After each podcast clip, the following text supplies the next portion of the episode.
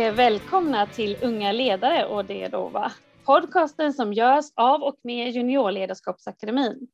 Vi som leder podcasten är studenter och alumner vid Linnéuniversitetet.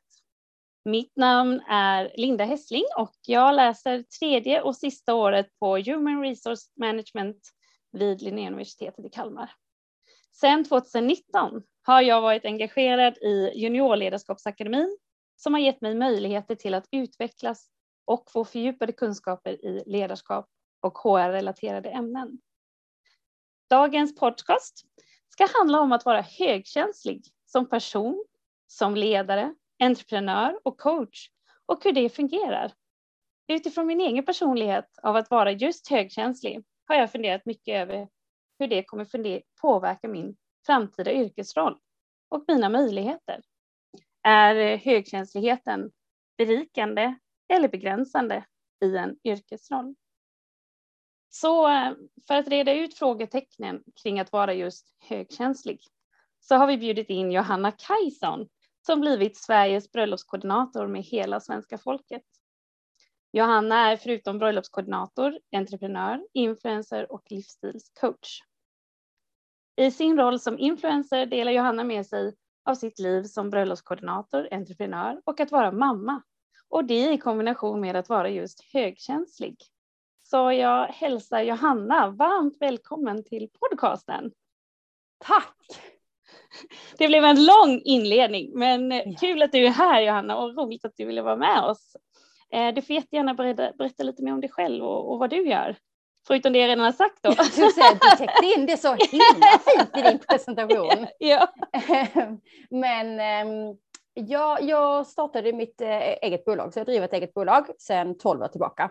Eh, och där jag främst då är känd för att göra bröllop. Så jag jobbar som bröllopskoordinator eh, och det fanns väl knappt för 12 år sedan. Så att eh, egentligen så driver jag ett bolag där jag egentligen bara gör ett jobb, men yrket i sig brukar vara väldigt spännande och intressant för det är fortfarande ganska nytt. Så därav så har det blivit en hel del press och media och jag har gjort Nyhetsmorgons bröllopsserie och jag har gjort poddar och ja, tidningsklipp och vad det nu kan vara. Eh, och sen så är, har det säkert också att göra med att jag har gjort lite kändisars bröllop och då blir det extra spännande och nyfiket kring det. Så att det är en del. Och där har jag också numera så har jag ju andra grejer som sagt. Jag har en podd, jag har en bok, eh, bröllopsplaneringsbok som har fått eh, vara med i många, många år. Eh, så himla glad för att den fortsätter att tryckas så att eh, jag får fortsätta vara liksom, som du säger, allas bröllopskoordinator. Ja, Inte bara mina brudpar som jag liksom träffar. Eh, och sen utbildar jag bröllopskoordinatorer numera också, så jag har något som heter Great Weddings Academy där jag får lov att utbilda och vara mentor. Så det är liksom bröllopsbenet. Och sen har vi ju det där med att jag delar med mig av mitt liv som du sa, mm. eh, influencerdelen. Eh, och den bara kom med yrket på något sätt. Eh, för mm. jag började blogga för jättemånga år sedan när jag flyttade från Skåne till Stockholm. Eh, på den tiden så fanns det resedagböcker, men det var precis på linjen av att man hade fattat att det fanns något som hette en blogg också. Så det kändes lite töntigt att ha en resedagbok för att jag flyttade från Skåne till Stockholm.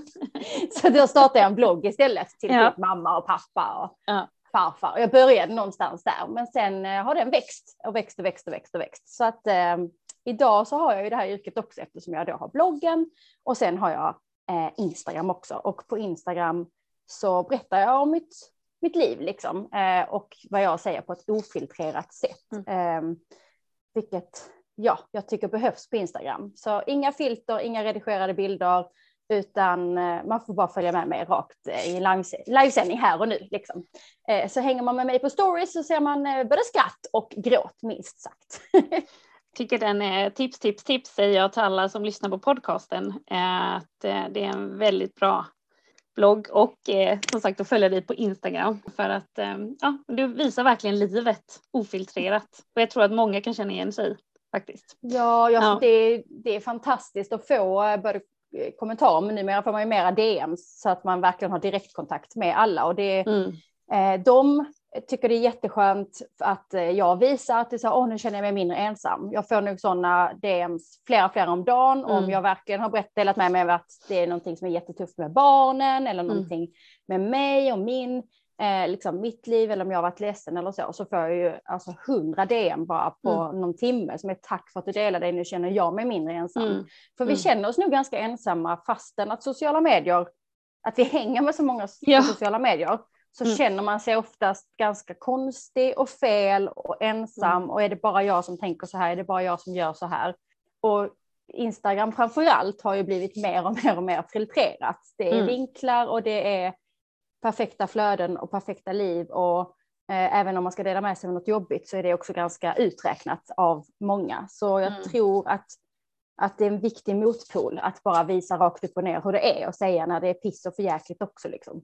Eh. Och jag har ju lyxen att alla de här DMsen gör ju att jag känner mig mindre ensam. För ja. jag delar ju med mig på riktigt av någonting som kändes jobbigt eller konstigt eller mm. liksom nu känner jag mig jätteknäpp mm. eh, som tänker så här och sen så får man mm. hundra DM som säger åh tack för att du säger det, jag känner också så men jag vågar aldrig säga det och då, då fattar ju jag också att jag inte är konstig. Så att det är en väldig lyx för mig också att få för eh, ju mer jag delar med mig desto mer så har jag ju massa, massa människor att hålla i handen liksom. Så att det, det är ett väldigt, en väldigt cool del i mitt yrke numera, verkligen. Och med det kommer ju andra spännande projekt, liksom att man får eh, amen, eh, vara eh, konferencier eller att man får leda någon, eh, nu fick jag en jätterolig förfrågan om att leda en podcast som redan var uppstyrd, där jag bara skulle hosta och de hade redan valt vem som skulle intervjuas. Och det är ju jättespännande eftersom jag älskar att stå på scen och är född och uppvuxen som dansare och, och saknar den biten i mitt yrke. Så den, de här, det finns en massa spännande projekt som kan komma med den delen av yrket. Mm. Och sen har vi den absoluta kontrasten som du hann få in där som är ganska yeah. ny del eh, i mitt yrke som jag inte riktigt har gått ut med så himla mycket än eftersom jag inte um, jag har, liksom, jag har varit så fullbokad i bröllopsbranschen så jag har inte kunnat ta mig an den här nya jobbdelen, utan den har jag mest gjort för mig själv hittills. Mm. Eh, men det är att jag utbildade mig som, som coach. Och numera så, så kan jag jobba och jobba delvis med att hjälpa folk att lära känna sig själva bättre, att må bättre, att ta tag i det som skaver och liksom våga sikta på att leva sitt sitt bästa liv. Um, för vissa så är det sitt drömliv och för andra så kanske man mår riktigt dåligt så det är bara att man ska må lite, lite bättre. Så det är jättespännande och det är mer i framtiden eh, på den biten. Liksom. Ja, ja, sen har jag barn och man och hus och sånt där. ja. ja. Vi kommer till det, men jag okay. klart har funderat på hur du hinner med allt du tar dig för som sagt var. Men den frågan tar vi lite längre fram får vi se här eh, hur du gör. Men vi kör. Vi, är du redo Johanna så kör vi lite frågestund också i det här så eh, ja. kommer vi närmare på eh, bröllopskoordinatoryrket men främst hur det är att vara högkänslig. Mm. Eh, det första jag funderar på, att som ung då bli bröllopskoordinator och vara en av dem som sagt satte bröllopskoordinatoryrket på kartan. Det kan inte vara helt enkelt tänker jag. Och hur kom det sig egentligen att valet föll på att bli bröllopskoordinator från begynnelsen? Ja, alltså när jag var riktigt ung och gick i skolan och sånt, alltså, eller så här, redan när jag var jätteliten så har jag alltid älskat att styra upp fest och jag liksom hade alltid kalas med men, tema och röda trådar och liksom helt genomtänkt. Och det kommer nog mycket från liksom hela min familj.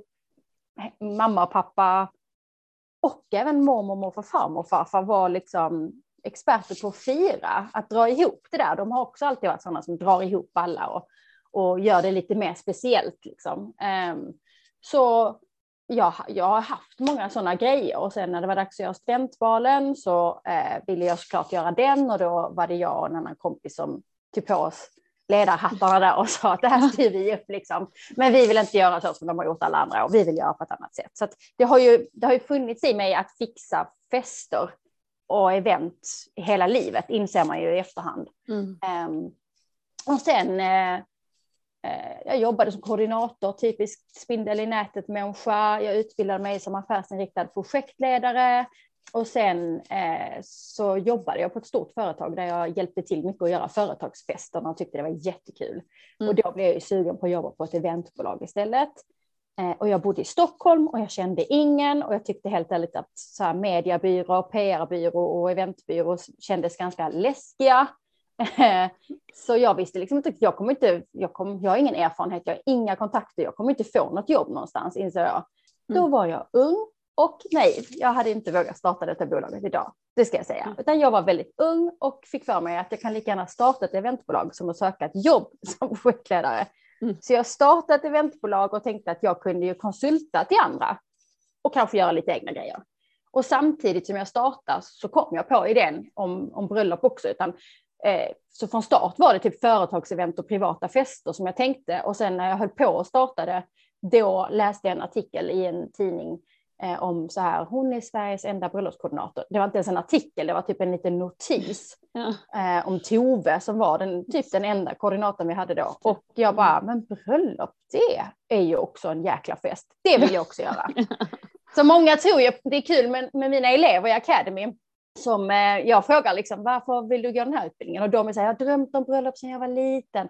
Alla tror ju att det är därifrån jag kommer, att jag har Ja. drömt om bröllop hela mitt liv. Mm. Men det är inte så, utan det var när jag skulle starta eventbolaget. Så när jag då tittade på vad ska jag göra för fester, då var det så här, men gud bröllop, det är festernas fest. Gud vad kul, Ja. det vill jag göra. Ja. Så det var liksom där det startade och sen var det så himla kul.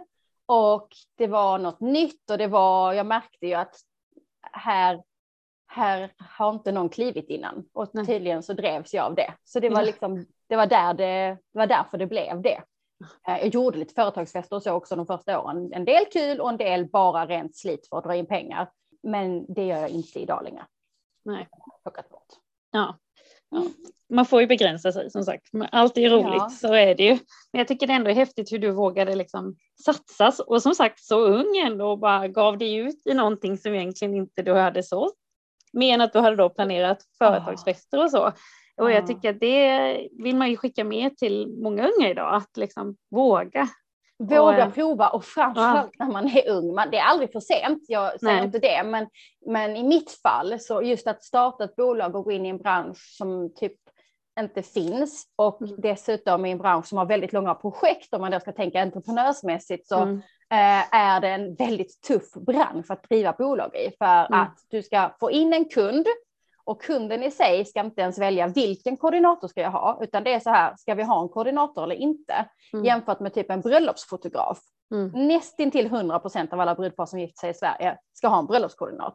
Så då handlar det ju om för dig som eh, bröllopsfotograf. Då handlar det om som dig på fotograf att Mm. försöka vara den fotografen de väljer.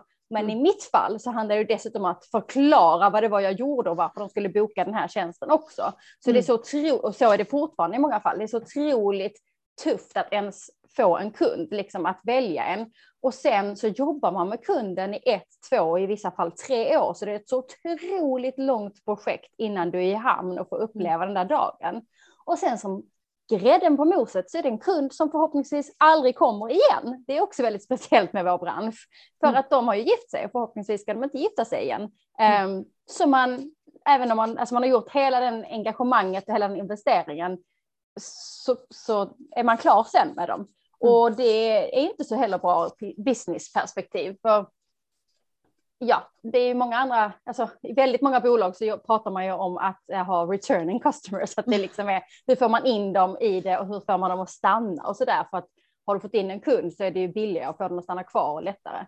Så äh, är det många sådana delar. Om vi då ska glida in lite försiktigt på det här med att vara högkänslig så tror jag dels att jag vågade när jag var så ung. Mm. Har nog en hel del med högkänsligheten att göra. Jag visste ju inte att jag var det då. Men just det här eh, om någon lyssnar som är högkänslig känner man nog igen sig i det här att det kommer inifrån. Att man är en drömmare, man är en känslomänniska, man känner så starkt när man vill göra någonting och man känner väldigt, väldigt starkt när man inte vill göra någonting. Mm. Och som ung så är man inte så bra, är nog många inte så bra på att lyssna på det. För ganska många högkänsliga känner sig fel. Ja. Eh, för det passar ju inte in i ramen och mallen. Så kan Mm. man ju inte göra. Nej. Du kan inte säga upp dig som 20 någonting och starta ett eventbolag i Stockholm utan några som helst kontakter och typ vara livrädd dessutom för hela branschen och alla fancy people som är där. Ja. Så kan man inte göra för att du vill det. Alltså min så här, affärs, det jag skrev i mina affärsplaner till mig själv, det var ju bara Alltså jag vill göra det här för att jag vill jobba med någonting jag brinner för. Det var ju enda anledningen. Det fanns ingenting jag vill driva ett bolag eller jag vill anställa folk eller jag vill tjäna så här mycket pengar eller någonting. Och det var väldigt frustrerande för mig de första åren när jag träffade andra entreprenörer i Stockholm i olika sammanhang. Deras enda frågor var ju när ska du tjäna din första miljon? När ska du börja anställa? Alltså mm. de hade ju helt andra saker de siktade på medan jag hade räknat ut okej, vad är min minimumlön? Hur mycket pengar behöver jag dra in i månaden när det här företaget rullar? Och så fick jag sätta upp på lång tid för jag testa under. Är det sex månader? Är det ett år? Vad är det? Hur mycket pengar kan jag klara mig på? Och mm. om jag kan få leva på det här och få in den här lilla, lilla lönen som, som täcker liksom, du vet, mat, boende, mm. sådär. Då är jag lycklig. Mm. För jag vill bara göra det här för att jag mm. brinner för det. Det var liksom det som var drivkraften och är fortfarande. Eh, så det är så himla viktigt för mig och att det kommer inifrån och att jag lyssnade på den rösten. Eh, och det är ju coolt, det får jag ju tacka. Det får jag tacka den, dels den där högkänsliga känslan av att jag känner på mig att det här är rätt, för det var det också. Folk visste inte ens vad det här var för yrke. Alltså, mina föräldrar driver inte bolag. Det är inte så att jag har entreprenör omkring mig så jag vet att det är en självklarhet att man kan ju också starta ett mm. företag, utan jag hade inga sådana omkring mig. Så det, det, det, de tyckte ju liksom, det var ju ändå konstigt att göra på det sättet liksom. Men jag, jag, jag lyssnade inåt liksom. Det var ja. bara, jag, jag känner, och det är likadant med coachinggrejen nu, att det, det, är också konstigt. Okej, okay, så nu har du drivit ett bolag över tio år, du är störst i Sverige på det här och du är så fullbokad så du måste tacka nej. Och nu ska du gå och bli coach för att du känner för det. Ja, för att jag känner för det. Jag känner hela min kropp att här finns något stort som väntar. Och jag känner mm. hela min kropp att jag bara måste, jag måste göra det här. Och jag kan inte säga vart det leder, jag kan inte säga vad jag gör. Jag gissar på att det kommer någon bok, om den kommer om två år eller om 15 år, jag vet inte. Mm. Jag gissar på att det kommer någon föreläsning som inte är en föreläsning. Jag tror att det är en show, att jag äntligen är tillbaka som tioåriga Johanna och dansar in med några paljetter på mig för att få folk att våga leva sitt liv och, och lära känna sig själva bättre. Men jag vet inte, men magkänslan säger att det är hitåt jag ska gå, så nu går jag hitåt. Mm. Vi får väl se. Och det är det som är så häftigt tänker jag, Johanna, att liksom det här att högkänslighet kommer inifrån och att man liksom tillåter sig göra det. Om man vänder mm. på det, nu har du verkligen gjort det, men det är så mm. många och jag kan säga inkluderat mig själv att man har så mycket vilja men man har också spärrar. Liksom. Ja. ja. Ja, och därför tycker jag det är så häftigt med dig och du liksom ger så mycket av dig själv så att man bara, åh, fasiken, jag skulle nog kanske också, och jag skulle nog också våga släppa ut det där som jag liksom eh, har här inom mig. Liksom. Försöka ha kontroll på ja, för ja. så där kan man väl inte göra. Nej, man kan väl kan inte, inte ta upp kameran och gråta på Instagram eller man kan väl inte jula på ICA för att man känner för det. Man kan väl inte, så jag, glida in på strumporna på förskolan och börja sjunga en sång för förskolepedagogerna. Så gör man ju inte när man är vuxen och är mamma. Men man kan göra det. Man ja. ska fasiken våga vara sig själv och släppa ut allt. Ja. Det är så mycket härligare att leva livet. Med det sagt ska jag vara väldigt tydlig och säga att när jag var 25 så gjorde jag inte det. Jag hade många år som jag mådde riktigt, riktigt, riktigt dåligt. Så det tar ju tid och det är där, därför jag också vill prata om högkänslighet, för jag skulle önska att man så tidigt som möjligt fick mm. hjälp och förståelse för att ah, men jag kanske är högkänslig. Så att man kan börja lära känna sig själv, så att man kan börja respektera sig själv, eh, både släppa ut allt bubbligt härligt, om man är en extrovert eh, högkänslig så är man ju extra att man vill ha ut. Man kan också vara introvert högkänslig, då behöver man andra grejer. Men så att man också tar hand om sig själv och sätter mm. gränser. Att att eh, vara själv i tyst och, och lugn och ro. Att eh, gråta hysteriskt om man känner att man behöver det. Man behöver inte snyfta till och torka tårarna för att så ser vi att de gör på film eller så gör väldigt många andra. Liksom, håll ihop det. Nej, mm. man kan också bara släppa ut det. Um, men jag visste inte det, så att jag mådde jätte, jätte, jättedåligt under väldigt många år. Um, innan jag fick grepp om det här. Och det är viktigt att säga, så man inte bara säger åh, hon har studsat runt och hade en dröm och startat ett bolag och vad bra det gick, utan jag, jag var ju totalt kontrollfreak. Jag alltså, har ju touchat på utbrändhet många, många, många gånger för att jag inte har satt gränser och inte tagit hand om mig själv, för jag har inte förstått att jag behöver också ta hand om mig i det hela. Jag behöver också ha återhämtning och paus. Och här är utmaningen för just mig som är så driven och har så otroligt mycket, alltså så mycket jag vill göra och jag har också otroligt mycket kraft att jag kan göra allt det. Men bakslaget har ju varit enormt mycket huvudvärk, enormt mycket hälsoproblem eh, fysiskt. Eh, och nu när jag tittar tillbaka så tror jag, jag har en kronisk sjukdom som heter endometrios. Eh, den är vad den är, jag har inte fått den av att vara högkänslig, utan det föddes jag ju med. Men att inte ta hand och respektera kropp och själ i den sjukdomen och istället köra på och inte vara sann mot mig själv utan vara sån jäkla duktig flicka på alla håll och kanter hela tiden. Mm. Det har såklart eldat på min sjukdom väldigt, väldigt, väldigt mycket. Mm. Så jag har levt med enormt mycket smärta. Jag har gjort otroligt många sjukhusbesök. Och just idag när du och jag pratar så har jag gjort en jättestor resa senaste året för att på djupet verkligen ta hand om mig själv. Så idag mm. är jag smärtfri. Så det, det där med att lära känna sig själv, oavsett om du som lyssnar är högkänslig eller inte, alla människor ska försöka hitta verkligen sitt inre. Mm. Vem är jag? Vad är viktigt för mig? Vad är mina mm. värderingar? Vad behöver jag för att må bra? Mm. Vad är mina behov? Eh, och vad drömmer jag om? Mm. Så att man tar hand om sig själv på bästa sätt. Det är så viktigt. Jag önskar att någon hade sagt till mig när jag var 20 eller 25. Det var det ingen som sa. Då känner jag mig bara konstig hela tiden. kan bara stämma in med dig fullständigt och jag tror att det är nog många som känner igen sig i det, men sen formas vi så av sociala medier idag mm. och man ser bara det här perfekta och man är formad i en viss form så mm. man har svårt att kanske ge hän till det där faktiska jaget, liksom, oavsett högkänslighet eller inte. Eh, sen känner vi ju som högkänsliga in mycket, mycket, väldigt mycket av allt runt omkring. Ja. Vet alla som lyssnar vad högkänslighet är, tänker jag nu då? Nej, men det var en av de jag tänkte att vi kunde diskutera nu, så vi lyfter det här känner jag, Johanna. ja, det lät som att du visste. Du kanske börjar berätta lite vad högkänslighet är, Nej. tänker jag då. Så kan vi se om jag kan fylla i. ja, jag tänker jag kan börja med att säga att det är ju ingen diagnos, utan Nej. det är en personlighetstyp. Och att precis som du var inne på, att man eh, tar in mer, man känner mer och man eh, man kan vara både introvert och extrovert eh, i detta och man hanterar det på olika. Man är på olika vis, men det man kan känna mest är att vi, vi kan känna in sinnesstämningar i ett rum när vi går in mm. där, exempelvis. Vad kan det mer vara? Ja, det kan vara olika grejer. Alltså, ja. Är olika, men för mig till exempel så jag, eh, jag är extremt högkänslig på väldigt många plan. Oh. Jag hör ljud mycket, mm. mycket starkare än, mm. än alla omkring mig och på andra frekvenser. Det låter ju jättekonstigt, men idag känns det så skönt att veta att det är så. I så många år så har jag varit så här, hör ni det? Hör ni det ljudet? Och alla bara, va? Jag får, alltså jag får så ont i huvudet, kan vi, vad är det för någonting? Kan vi stänga av det? Så är det liksom typ ett kylskåp tre rum bort, men det ligger på en frekvens så jag hör det. Så är det inte för alla, men i mitt fall så hör jag, jag mm. ser, jag kan mm. liksom mm. se, min son kallar det en superkraft, han tycker det är så sjukt att jag kan till och med se så långt åt sidan. Nu visar jag, det är en podd så ni ser inte, men jag visar att om man tar sina händer framför sig och drar det runt ut till sidan av, ehm, alltså helt sidan av sitt huvud, så kan jag se där också.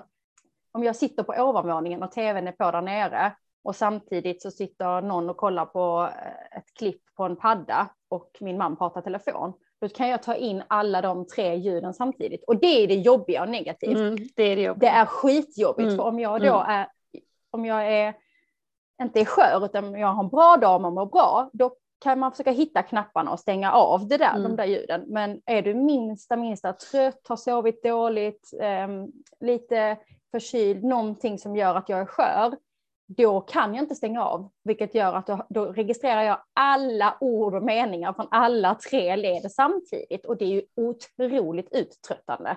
Mm. Eh, det, man kan också känna om man är på en restaurang med en kompis och man sitter, ska sitta och prata med den. Har man en sån dag där man av någon anledning är lite skörare, då tar man också in alla andra konversationer. Du nickar i hela restaurangen. Mm. Och det är skitjobbigt. Jag vill lyssna på dig. Här har vi en konversation. Mm. Men det bara trycker på med alla andra ljud, alla som pratar, servitrisen som står där borta och pratar med bartendern och beställer det. Och de där borta i hörnet som, det handlar inte bara om ljud, det är som du säger, det är känslor också. Mm. Någon vid ett bord, tre bord bort, ropar till sig servitrisen och säger att de har fått fel rätt. Ja, då ska jag då ska jag ta in det. Jag kan Ja. inte hjälpa det, men det är så här, Nej. oj, oj vad besviken Mm. hon var där borta. Och så blir jag nyfiken också, hur hanterar de servicemässigt det här då? Mm. Oj vad otrevlig servitrisen var nu, men gud vad dåligt, okej nu går hon där till den chefen. Då tar man liksom in hela det spektaklet. Ja. Och Det är ju kanske inte så härligt för kompisen som sitter där och bara, hallå, vi två sitter här och pratar. Men ehm, så man kan ju ta in ett helt rum och en hel värld på ett helt annat sätt. Mm. Och sen den här känslomässiga aspekten som, som du säger, vi, vi, Mm. vi kan känna in mycket mer hur andra människor känner. Vi har enorm empati och det Mm. handlar inte bara om att det är så här, jag tycker synd om dig, utan vi känner, Känner hur det. du känner. Liksom. Mm. Ehm, och det kan vara jättetufft i sådana här tider som vi har nu till exempel, när det är Mm. oroligt i världen. Och det kan vara svårt att slå bort det från sig och det blir otroligt tungt att gå och bära det. Så även där behöver man ju hitta och lära känna sig själv. Hur, hur ska jag ta hand om mig själv i det här också? Bara se till så att jag inte faller ner i ett svart hål för där jag blir helt slut. För det är det som oftast händer om det blir för mycket intryck oavsett om det är ljud eller ljus eller att man är bland folk som har mycket känslor eller vad det kan vara. Så till slut så blir man väldigt, man blir helt slut. Slut. Och det är olika. Vissa blir trötta och behöver sova, andra får jätteont i huvudet. Andra, det är ju jätteolika hur det Mm. blir. Liksom. I mitt fall så, eh, så har jag ju haft den här kroniska huvudvärken som jag har levt med varje dag i över tio år. Mm. Eh, och nu förstår jag ju att den har ju jättemycket med att jag inte respekterade mina gränser att göra. Att jag jobbade igenom migränattacker, magsår, allt möjligt. Så bara jobbade jag 12 timmar i sträck då. Och det är ju inte bra för någon såklart. Och Nej. allra minst en högkänslig. Eh, Nej. Så där fanns liksom ingenstans där jag tog hand om mig själv. Mm. Och sen hur man tar hand om sig själv, det får man ju också lära känna. Um, vissa tycker jättemycket om att meditera eller gå i skogen. Alltså meditera är ingenting för mig. Jag är väldigt bubblig och sådär av mig. Jag kan inte riktigt sitta still och meditera. Utan jag har försökt hitta andra grejer där jag får vad jag kallar hjärnvila. För jag tror det är dit man ska nå, att det blir lite tyst. Att alla våra tankar och vårt babbel får snurra runt och babbla klart tills det lugnar sig lite. Så det handlar nog om det. Då kan det ju vara en promenad för någon, någon sitter och målar mandala. Eh, Det kan liksom till och med vara att kolla på en serie. Om det är en, en halvbra serie eller en serie man har sett många gånger, då till slut så vilar hjärnan i det. Så Mm. det, det är typiskt också, nej det är bara meditation som är korrekt. Annars så kan du inte vila. Nej, du kan faktiskt vila och kolla på en serie också. Det kan Mm. också vara hjärnvila och kolla på tv, om du gör det på rätt sätt. Om det liksom inte är för mycket engagemang och det inte är för mycket känslor i det där programmet så att du med din högkänslighet dras in i det. Om du inte scrollar telefonen samtidigt utan verkligen lägger dig ner och kollar på vänner för tusende gången. Och Precis vad, ligger jag precis vad jag skulle säga. Att oftast är det ju så att eh, hjärnan får mest vila om det är något man redan har sett innan. Så man Mm. inte behöver liksom ta in det och engagera sig igen utan att det är något man faktiskt har sett kanske då Ja. för tusende gången. Eh, så kan jag uppleva det i alla fall. Och sen finns Eh. det väl mycket bättre förklaring på det här. Man kan ju Ja. googla högkänslighet. Ja. Det finns Ja. tester också man kan göra. Och det, det är också så här, det finns ju massa forskning på att vi, våra nervsystem är känsligare. Så det är inte Mm. bara så, oj, här du känner mer, det är svårt att mäta, utan det finns ju forskning på det. Ja. Vilket Mm. är coolt och vilket Ja. jag tycker underlättar för oss högkänsliga, att man känner att men det är ingenting vi har hittat på. Liksom. Nej precis, det är inget liksom för att få empati. Exakt. Men det är också att fundera på om vi liksom går tillbaka lite till dina yrkesval sådär, eh, och, och försöker knyta ihop det lite med den högkänsliga sidan. Hur skulle du säga att liksom, vad är det som gjorde det, eller vilka faktorer är det som binder samman de här olika yrkesvalen som du har gjort? Det? Alltså att vara. Spännande. Ja. Ja. Ehm, det är nog mycket att det har med människor att göra. Man tror ju att bröllop har att göra med den där fina dukningen och de fina blommorna och att det är några slags färgkartor man jobbar med. Men det är det inte, utan det handlar ju om människor, att hjälpa människor Mm. skapa den här viktiga, viktiga dagen i sitt liv. Och i mitt fall så jobbar jag ju inte med dekor alls längre. Det trodde jag att jag skulle göra så jag gjorde det i massa år, men det gör jag inte längre utan jag jobbar ju verkligen bara med koordineringen, med planeringsdelen och där tror jag att jag helt ärligt började för att många högkänsliga blir perfektionister och kontrollfreaks. Mm. Och det har jag ju fått lärt mig av andra högkänsliga experter att det är ganska klassiskt att man blir det först. För att vi vet inte vad som händer. Man kan inte ha lärt känna att man är högkänslig. Eh, och vi tycker oftast inte om när saker kastas omkull och ändras sådär hur som helst. Utan vi tycker ganska ofta om att planera och tänka ut. Oh, tänka ut, tänka ut, tänka ut. Hur ska det här bli? Ja, eftertanke, eftertanke. Ja, men liksom ha en plan och drömma. Eftersom vi tycker om att drömma också om det så kan vi också måla upp hur det ska bli. Mm. Mm. Och då kan det vara att om man inte har lärt sig att livet är förändligt, om man inte har tränat på det, så blir, får man panik när det inte blev så, när det bara kastades om. Eh, och då blir det lätt att man blir kontrollmänniska och perfektionist, att man planerar ännu mer. Man gör listor, man planerar, man kontrollerar, man ser till. För då tänker man att då har jag greppet, då kommer jag inte må så där dåligt som man gör när man blir överstimulerad eller så. Men så kanske det blir lite fel och då blir det ännu sämre. Det tar ju ännu mycket mer kraft då när det inte blev som vi hade tänkt oss. Så det höll jag på med i väldigt många år. Alltså var otrolig perfektionist och kontrollfreaksmänniska. Och det tror jag absolut var en del i bröllopskoordinatoryrket.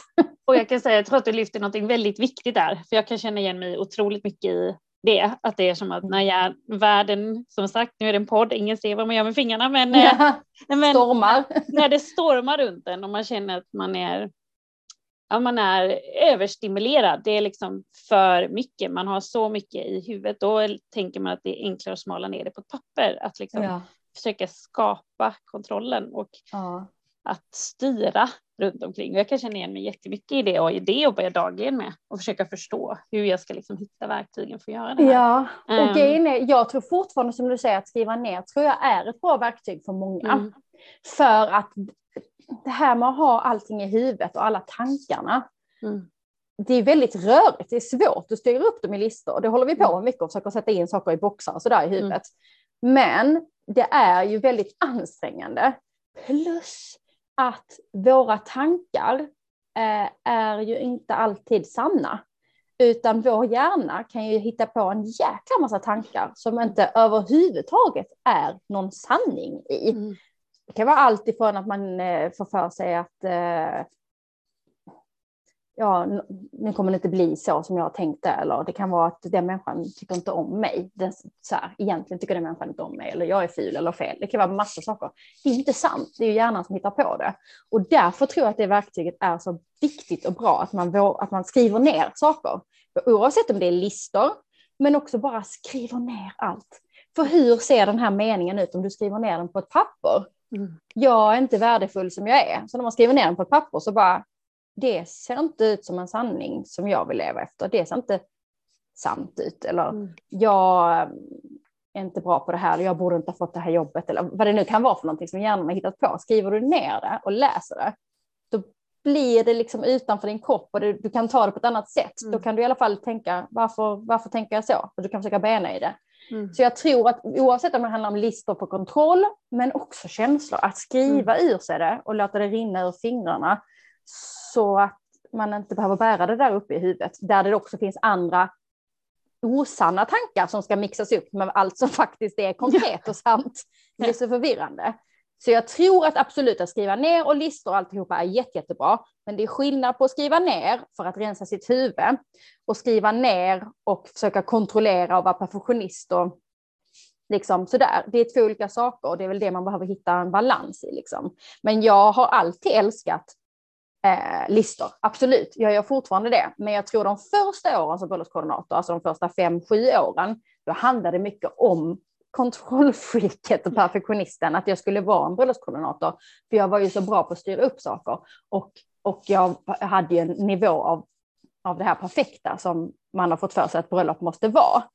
Idag jobbar jag på ett helt annat sätt. Det finns massor med bröllopskoordinatorer som deras expertis är perfektionism. Det är inte riktigt så jag jobbar. Jag vet att saker går fel på en bröllopsdag. Jag vet att man inte kan styra över vädret. Jag vet att en lastbil kan gå sönder så pianot inte kommer fram i tid till vigseln. Och det kan man inte styra över. Så min expertis har blivit att lösa saker där och då. Men ju mer jag jobbat, desto mer så har det också framförallt blivit just människor och relationer. Att mm. jobba med brudparen, att, att jobba med eh, liksom deras tärnor, marskalkar, toastmastrar, jättemycket med toastmastrarna för att få till rätt känsla under bröllopet skit i färgen på rosorna. Det handlar om känslan, det handlar om upplevelsen, vad både ni och alla gäster ska få vara med om. Så idag så förstår jag att det handlar så mycket om det, att liksom skapa någonting för de här 50, 100, 150 personerna och skapa något alldeles unikt och ett, ett once in a lifetime moment som de ska få uppleva i en livesändning. Snacka mm. om gotte för en högkänslig, liksom, för det är så otroligt mycket känslor. Så det är ju det jag älskar med bröllop idag. Eh, och där har ju det förändrats lite, det har varit lite ja. läskigt får jag säga. Att mm. okej, okay, hela projektledningen och listorna, de, de brinner jag inte lika mycket för längre. Eh, och kan man vara en koordinator då? Det har jag liksom ändå funderat ganska mycket på de senaste åren. Att kan jag göra det här fortfarande? Liksom? Men jag tror, ja, det tror jag. Det verkar som att kunderna är... du har det i huvudet också, alltså mer förmodligen idag, oh. form av erfarenhet. Men jag tänker, hur har du liksom för lite alltså, verktyg. Förlåt, men gud vad intressant att du sa det. Du har det i huvudet. Det är exakt så det är. För jag har vissa leverantörer och vissa kunder som blir, ehm, som är så här, eh, alltså typ, var är listan på det här? Medan mm. jag är helt trygg med att jag har det i mig. Så mm. det gäller ju att jag har kunder, alltså brudpar och leverantörer som har tillit till att jag, jag är expert på det här och jag kan leverera det, det kommer bli mm. jättebra. Men mm. det är ju jätte, jättesant. Eh, det är ju därför jag kan det. Jag mm. måste ha respekt också för att de kanske, som, de kanske behöver en lista i alla fall. ja, då säger de det, tänker jag. Ja, ja. exakt. Men jag, jag tänker, hur, hur har du tagit dig dit? Liksom? Alltså, från att liksom ändå ha varit kanske då mer kontrollerande mm. eh, och haft liksom perfektionismen till, till det idag. Alltså, det är klart att du har jobbat med det, men jag tänker ja. att vi ska försöka få några tips till de som lyssnar hur man kan, hur kan man, hur kommer jag dit? Man eh. går till en coach. ja. Kommer in på det benet. Man gör faktiskt det. Det är, man kan också, jag har ju köpt en massa böcker. Den första boken som, som eh, var väldigt omvälvande för mig att läsa, det var en bok som heter Good Enough. Som var skriven av eh, Elisabeth Gummesson. Eh, jag vet inte om den har tryckts om så att den, det står Elisabeth Kilenstierna nu, för det är det hon heter efternamn nu. Men den läste jag för 12-13 år sedan eller någonting, så det är väldigt länge sedan. Jag tror den finns kvar i pocket för typ 39 spänn, så den har alla råd att köpa. Den läste jag och den var omvälvande för mig för att den hjälpte mig att förstå just det här med perfektionisten och att vara good enough. Den handlar inte om högkänslighet, så det här tipsar jag alla som lyssnar om. Skit i högkänslighetsbiten, utan det är bara just att reda ut det här med de här listorna och kontrollen och perfektionisten och alla de här grejerna. Och först var jag jätteanti, vadå var good enough? Det är väl klart man vill göra bäst. Alltså varför ska man gå omkring och göra 80 procent? Jag vill ju inte det. Men sen så förstod jag att det handlar ju om att man hela tiden aktivt väljer. När ger jag 110 procent? Och i vilka sammanhang kan jag ligga och puttra på 70 procent?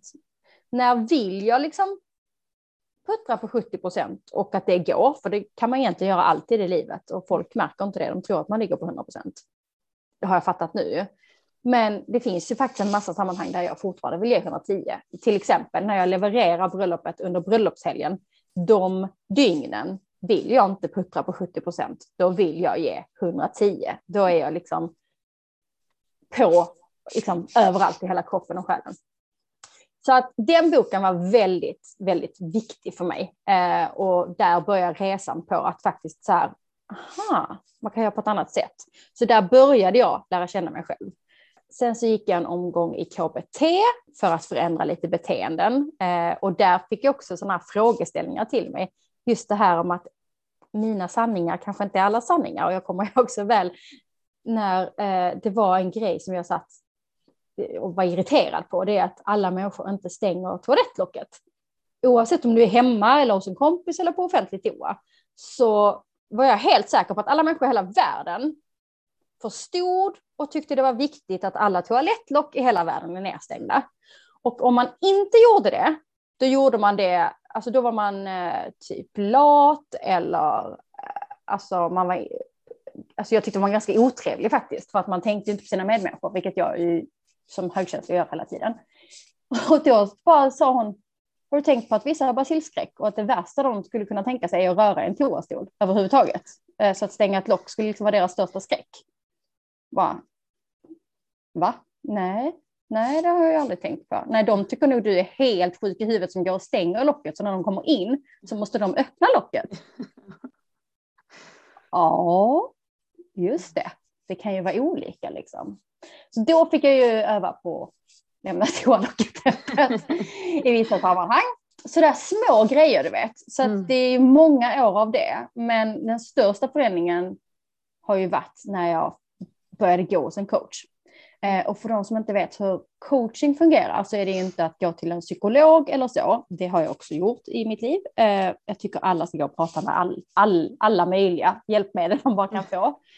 Men eh, om man inte har något stort trauma man ska bearbeta, för då ska man gå hos en traumaterapeut eller om man har eh, något riktigt tungt från barndomen behöver hjälp med, då kanske du ska gå till en psykolog. Alltså det finns ju en massa tillfällen man behöver göra den typen av resa. Men om man inte känner att det är något sånt, utan det handlar mer om att jag känner mig vilsen i mig själv eller jag mår inte bra, jag är superperfektionist och får andnöd när det inte blir som jag vill eller vad det nu kan vara. Då är att gå till en coach skitbra, för när man går till en coach så får coachen inte lov att tycka till om någonting. Coachen kommer aldrig berätta för dig vad du ska göra, den kommer aldrig ge råd, den kommer aldrig ge tips, den kommer inte styra dig på något sätt, eh, utan coachens uppgift är att du själv ska hitta i dig själv vad dina sanningar är. Mm. Så coachen ställer bara frågor hela tiden. Bara frågor, frågor, frågor, frågor. Och det gör att man då säger saker högt. Alla de här tankarna som är sanna eller inte sanna, de eh, säger man rätt ut och då får man ganska mycket svar faktiskt. Eh, och vi är ju olika. Det är det som är så häftigt. Det här med mm. att vi försöker leva efter att hitta nyckeln till att passa in i ramen. Mm. Det är ju det första steget, att man ska förstå att det ska jag inte göra, för vi är, vi är så olika. Din ram passar inte mig och jag kommer må så fantastiskt mycket bättre om jag lever efter min ram. Eh, och vad är min ram då? Så det är liksom där man börjar och, och att få den få göra de uppgifterna och göra de övningarna tillsammans med en trygg människa som, som en coach kan vara. Att man då inventerar sitt liv. Hur ser mitt liv ut på alla plan?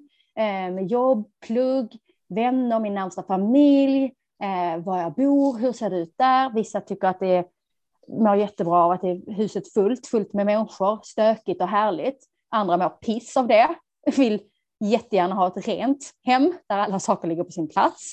Eh, det är ju jätteolika, så man behöver ju mm. hitta sina sanningar. Och sen jobba med liksom, vad är mina värderingar, vad är viktigt för mig i mm. mitt liv? för mig var det en stor chock när jag insåg att om jag ska välja tre värderingar, jag börjar med en lista på över hundra, om jag skulle välja tre så fanns ordet komfort med som ett av mina värdeord. Jag blev så chockad men så lättad när jag kom på det. Ja, jag tycker om när saker är sköna.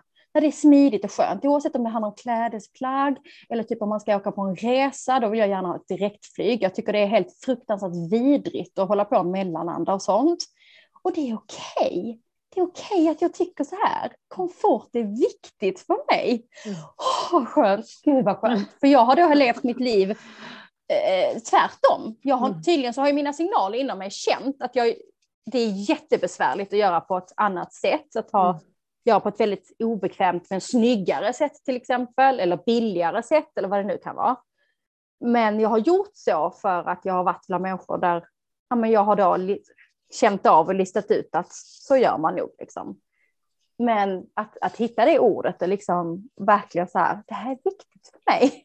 Det har, det har varit jättestort.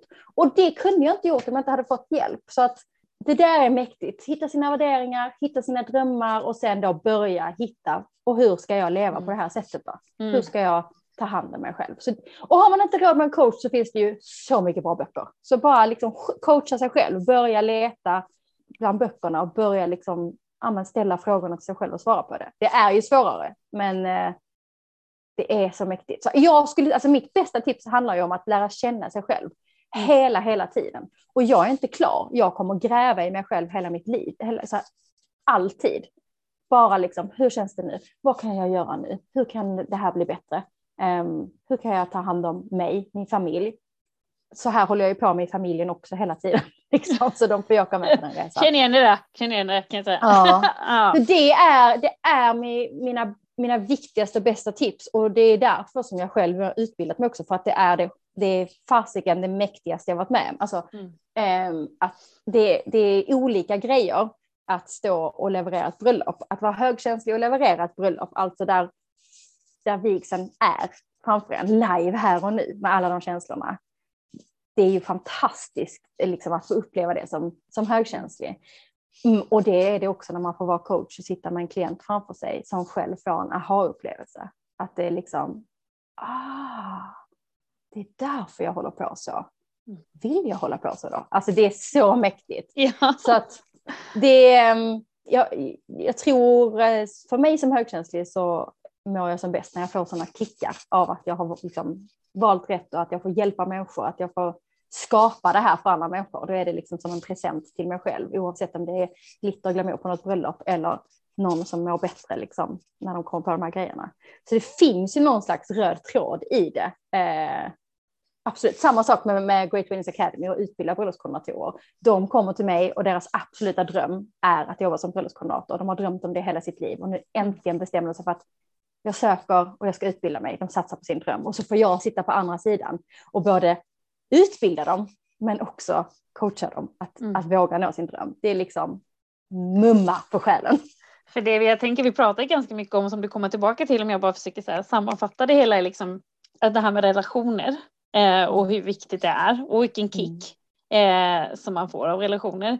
Jag vet mm. jag hade en chef en gång som eh, han sa något så bra med om att, eh, att jag kunde vara som en kameleont, att jag anpassade ja. mig i relationen och hur liksom. Men det tar ju också väldigt mycket energi av, av dig som person, även om man får mm. kicken av att åh, nu blev det en aha-upplevelse i, i, din roll som coach mm. eller wow, den här dagen för det här brudparet blev helt fantastiskt. Men jag tänker hur, när är det till gagn att vara högkänslig och när mm. är det liksom skit. skitbelastning liksom. Eh, och hur, hur man då liksom ska jobba med det. Eh, så.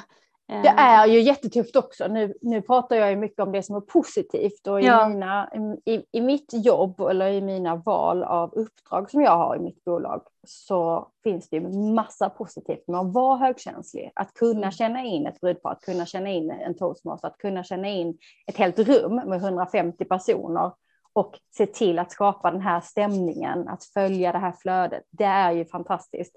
Likadant med coaching, att, att, att vara så närvarande så att man kan vara så att man kan känna in klienten. Alltså, det finns till och med en övning där klienten inte får svara utan man bara ställer frågor och klienten får bara tänka dem. Och så mm. fortsätter jag ställa andra frågor för att jag känner av åt vilket håll du är på väg. Det är ju det är liksom otroliga positiva delar med att vara mm. högkänslig mm. i mitt jobb. Men det är som du säger, det är sjukt dränerande och det har jag ju fattat nu äntligen. Mm. Som sagt, många, många, många år av att bränna ut mig själv i båda ändarna konstant för att jag mm. la inte in eh, liksom, någonting till mig. Eh, när det är negativt, ja men det är ju när man är med så många människor och alltså, ska ta in allting, till exempel att vara bröllopskoordinator genom en pandemi. Jag höll på att gå under. För den empatin som jag kände för alla brudparen när 2020 kom och vi behövde, de behövde ju ställa in sina bröllop mm. och det blev väldigt, väldigt dyrt för dem. Det är ekonomiskt, känslomässigt, hitta ett nytt datum, allt det här. Helt vidrigt och mitt uppdrag var ju att boka om allting och fixa allting. Samtidigt som på andra sidan så hade jag leverantörerna som jag då skulle avboka, omboka och förhandla priser med. Och de är små egenföretagare vars hela värld raserar alla bröllop ställdes in, hela deras årsomsättning blev noll och de var så många som gick i konkurs att det inte var klokt. Och empatin för dem var ju fruktansvärd. Och sen hade vi mig själv som var, inte fanns någon plats kvar för. Att även jag fick avbokningar och ett helt år som raderades. Och den empatin till mig själv hade jag liksom inte plats till för jag skulle ta hand om alla leverantörer och alla brudpar eh, och en, en hel bransch. Liksom då är det sjukt slitsamt att känna så mycket med så många människor. Och jag höll på att gå under. Nu, det jag gjorde var att tog de här åren av lugnare i bröllopsbranschen till att just eh, lära känna mig själv ännu bättre och ta hand om mig själv, göra upp med lite gammal skit och läka mig själv på alla sätt och vis. Så att jag kommer ju tacka den investeringen för alltid såklart. Mm. Så att idag så vet jag ju nu när det kom en våg två av pandemin och vi fick börja om igen. Då var jag ju lite bättre på att ta hand om mig själv också. Mm. Att dels komma ihåg att, att ta känslomässig paus, men också att till exempel jag, jag behöver ju också ta betalt. Eh, om jag ska planera om ett bröllop en gång till så även jag måste ju ta betalt då. Så att jag lärde mig mycket på vägen av det, men det var dränerande. Och ska man ta ett enklare exempel så var jag, i, eh, var jag på skidsemester för några veckor sedan med min familj, min man och mina två barn. Min mamma och min pappa och min syster, hennes man och hennes två barn. Vi trivs väldigt bra ihop, så vi åker gärna på semester tillsammans och vi firar jul och allt möjligt tillsammans. Och då flyttar vi alla in i mamma och pappas hus liksom och så där. Så att vi tycker mycket om att vara tillsammans. Det finns ju många som har trassliga relationer med sin familj där det är så här, men fy, jag kan inte tänka mig något värre än att flytta in i en stuga en hel vecka ihop, liksom. Vad mycket bråk det måste bli. Mm. Vi bråkar aldrig, vi gör inte det. Vi, alla får vara som de är, alla har väldigt stor respekt för att vi behöver olika saker och det är okej okay och sådär. Men en hel vecka ihop med alla dessa människor och alla dessa barn, mm. det är väldigt tränerande. Tyvärr mm. så åkte min systerdotter, systerdotter och bröt benet tredje dagen. Oh.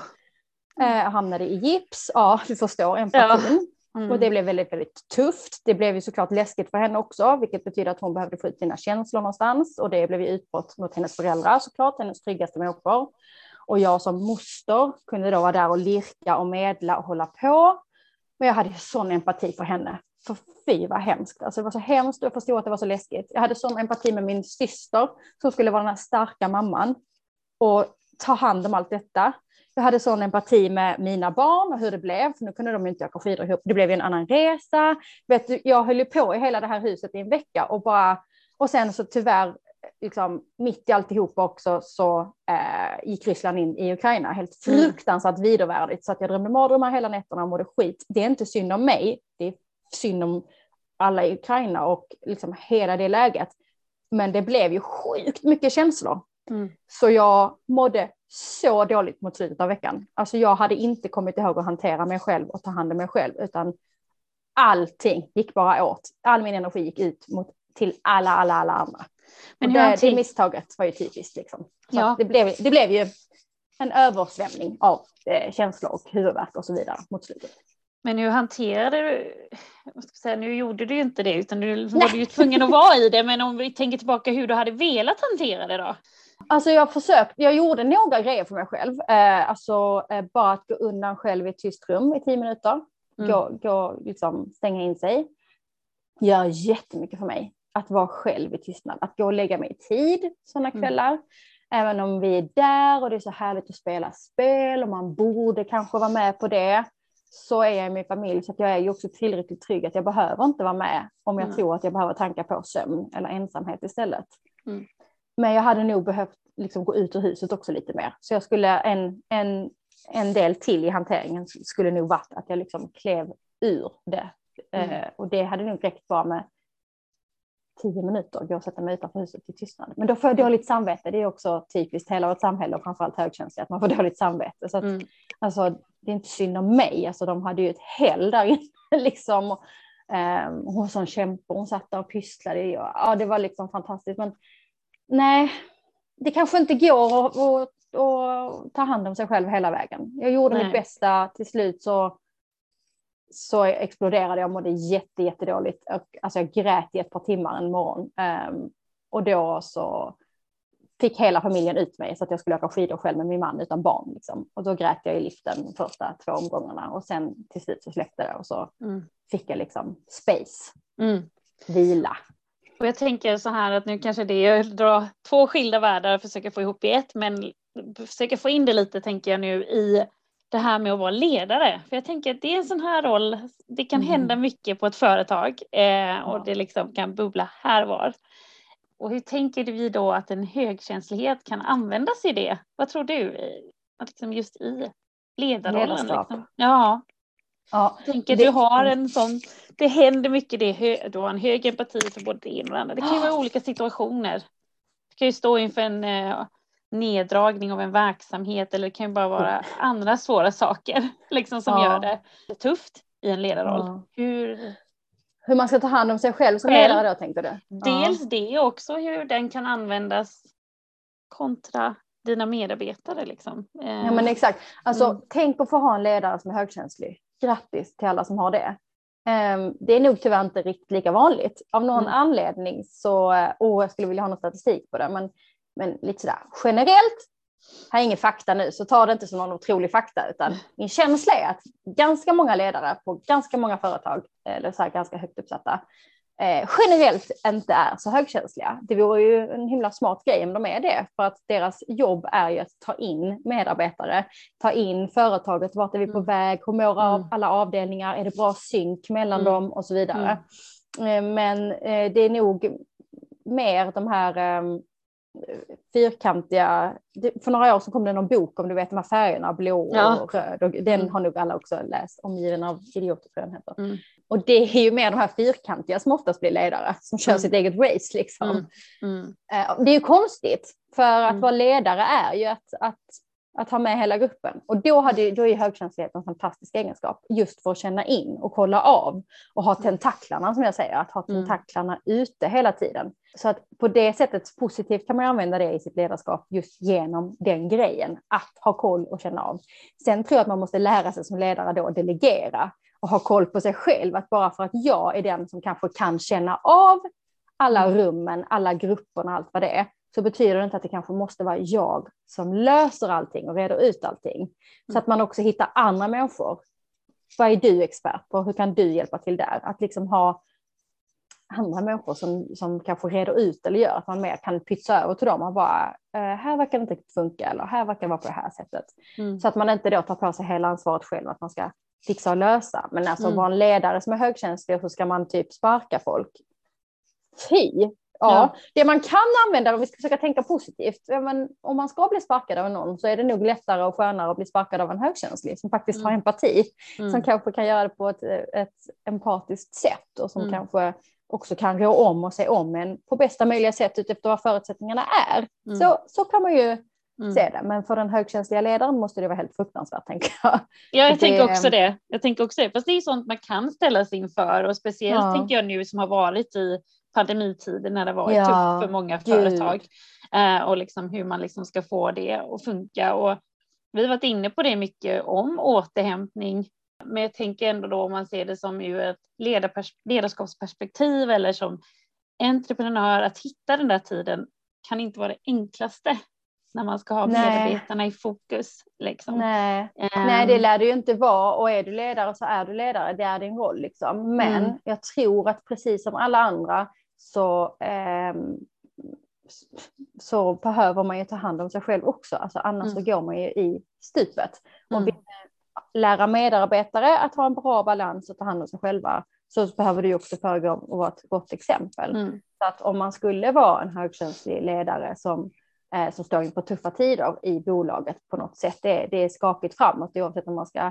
om folk ska behöva lämna eller, eller ja, man behöver göra omorganisering eller vad det kan mm. vara, så behöver man dels liksom göra jobbet och då kan man göra det på ett så empatiskt sätt som möjligt. Det där mm. kommer nu ganska naturligt för en. Men det är liksom du säger, den här återhämtningen är otroligt viktig, att man avsätter tid på sig själv som ledare mm. också. Och det mm. handlar ju dels om så här ren och skär återhämtning. Eh, alltså jag har ju varit tvungen, nu har jag ju verkligen lärt mig i mitt jobb att sätta in, blocka tid för riktig återhämtning under, liksom, under mina jobbperioder. Så det behöver man ju göra, men också att ja, men lära sig balansen av att, att stänga av och, sätta på så att man som ledare i så fall också verkligen, verkligen ser till att man inte går under själv längs vägen.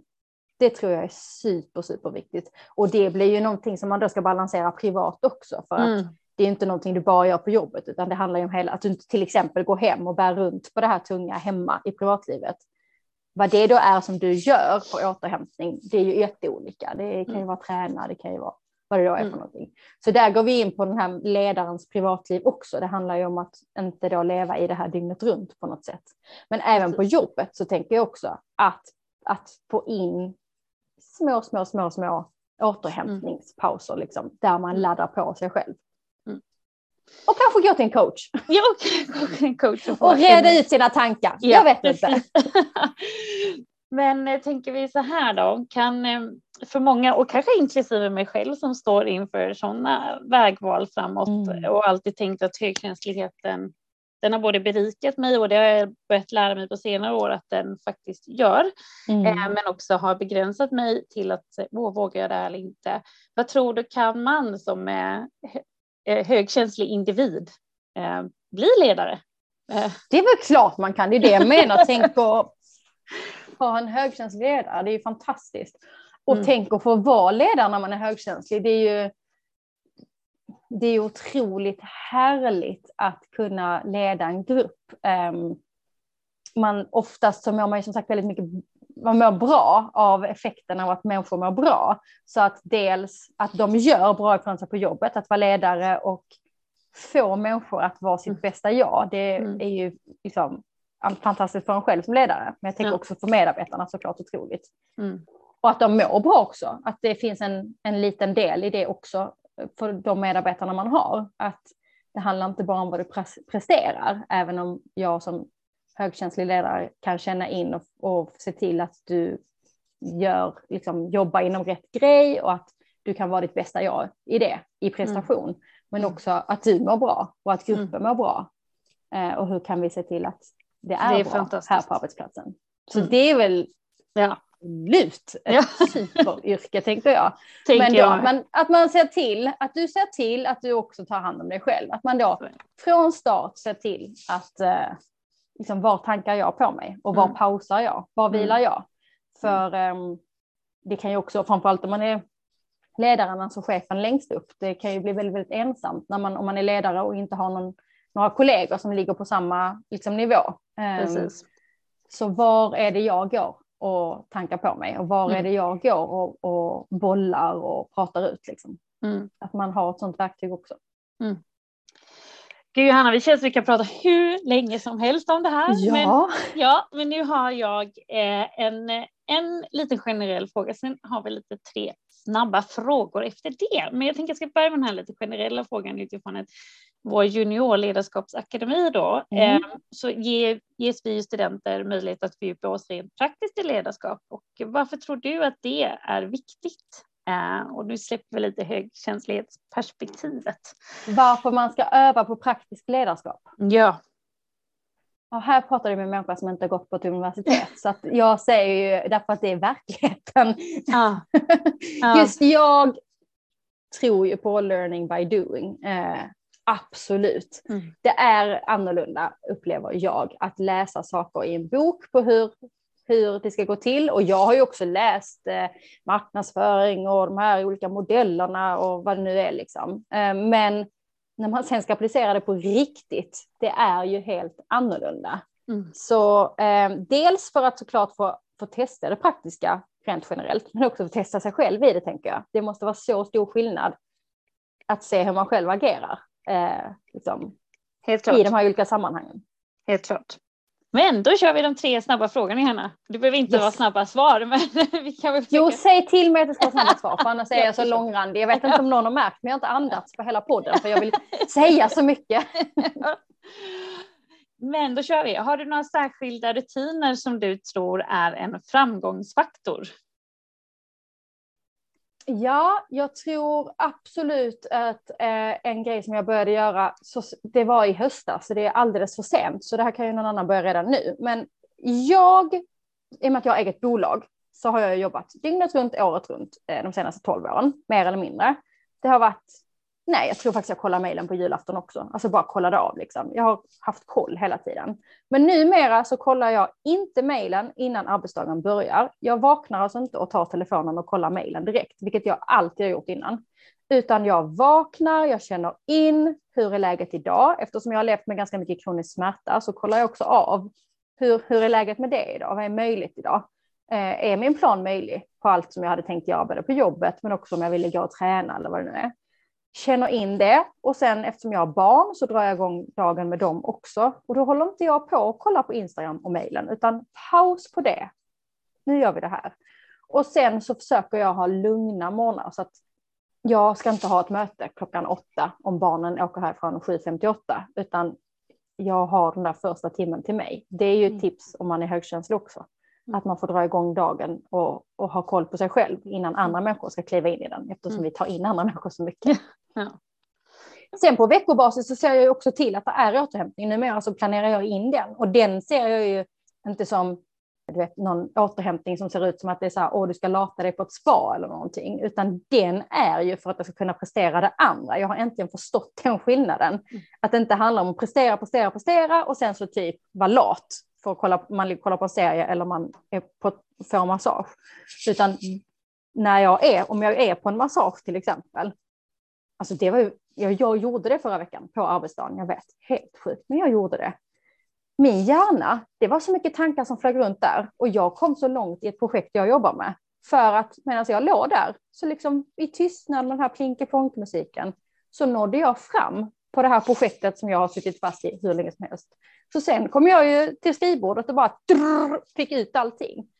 Så den där balansen, så att jag inte kollar mejlen och håller på och jobbar på morgonen och inte heller på, på jag gör det på kvällen, det ska jag säga, att jag kollar av på kvällen. Men, men eh, inte när jag går upp och ska lägga mig. Det är inte det sista jag ska göra. Det är inte att kolla mejlen en gång till. Vad hjälper det att kolla den 22.30 på kvällen?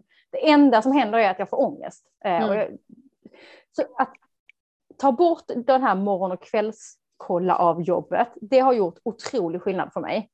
Eh, väldigt många är så här, jobba när du jobbar, att man begränsar det bara till arbetstid. Det får man ju hitta sitt eget sätt. Mm. Det är lite för tajt för mig att bara har tillgång till att jobba mellan åtta och fyra och i mitt yrke så är det ett kreativt yrke. Mm. Så inspirationen kan ju komma när som helst. Ja. ja. och då vill man ju gå med den liksom. Mm. Men ja, likväl. Tips, ja, men likväl som att i mitt fall om man har barn till exempel som jag har så numera så har jag semester när jag har semester. Då berättar jag för mina kunder innan att eh, den här veckan är jag på sportlov eh, och då är liksom kontoret stängt. Då kommer vi inte rulla i projekten jag finns tillgänglig såklart. Jag kommer kolla mejlen några gånger under veckan så att är det någonting så, mm. så finns jag här. Men jag mm. kommer inte sitta i möten och vet, snabba puckar och beslut utan vi behöver nått så här långt i projektet innan mm. den här veckan. Eh, och det har jag alltså börjat med precis för ett år sedan och det är en enorm skillnad för mig. Så om någon kan gå ut och göra rätt från början och tycka att det är okej okay att man är ledig. Alltså, mm. vem behöver kolla mejlen på julafton? Nej, det, nej. Bara, så är det. Nej. Helt och vårt samhälle har ju varit uppbyggt mycket så i prestation och framgång och sådär. Mm. Eh, så de rutinerna, att jag verkligen har respekt för återhämtningen och ser den som en del i prestationen, mm. att den är till för att sen kommer flödet igen. Det har gjort enorm skillnad och det hoppas jag verkligen att man kan, att man kan ha med sig från start. Så att man inte tror att man först ska prestera för alla andra och sen tio år senare så kommer man på nu kan jag hitta min rutin. Utan så här, Eller hur? Nej, hitta sin egen rutin från start. Mm. Bra tips. Men nu då, vad skulle du säga till ditt inre jag? Och nu får du bara säga kort, kort, kort. Till mitt inre jag? Till ditt yngre jag. Yngre! Ja, nu får Nej, det bara vara, det ska vara kort här. och koncist. det går inte. Eh, Nej. Det är alldeles för långt. Men eh, bara ett ord. Att, att man får lov att, alltså, att vara sig själv. Man behöver mm. inte vara någon annan. Den här kameleonten du pratar om. Mm det är en jättebra cool egenskap att använda i business, men det är ingenting du behöver vara. Var bara dig själv. Du är mm. liksom fantastisk som du är. Helt bra sagt. Och kort, varför tycker du att man ska bli ledare?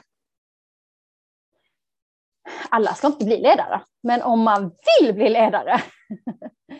Jag kan inte svara på varför man ska bli det, utan det viktiga är att man checkar av med sig själv och svarar på den frågan tror jag. Varför vill jag bli ledare? Vad är det jag lockas av? Vad är det jag tror jag skulle vara bra på? Vad är det jag mm. tror att jag skulle få för kickar av det? Mm. Um, och sen kan man checka av de där utmaningarna som vi pratade om innan också. Vad behöver jag, just jag, ha lite koll på så att jag inte går under med ansvaret? Mm. Uh, men jag tror det är väldigt, väldigt viktigt för jag tror att generellt, och det kommer man ju märka när man går ut på arbetsmarknaden sen, så kommer ni möta många andra ledare som har blivit ledare av fel anledning. Det finns mm. många som har blivit ledare för att det är ett steg, klättra på stegen. Eh, och det är ju inte rätt anledning. Så att jag tycker man bara ska checka av de där bitarna med sig själv. Varför vill just jag bli ledare? Mm. Det tror jag är viktigare än att jag ska svara på varför man ska bli det. För det tror jag inte är något bra svar. Tycker det var bra sagt, Toppen. Men eh, tack Johanna för att du vill vara med i podcasten Unga ledare och det då va? Och eh, Johanna, om våra lyssnare skulle vilja komma i kontakt med dig, hur skulle de kunna göra det på bästa sätt? Ja, jag finns. Jag har en hemsida som heter johannakajson.se. Där finns ett kontaktformulär till exempel. Och sen finns jag på Instagram, att Johanna Kajson.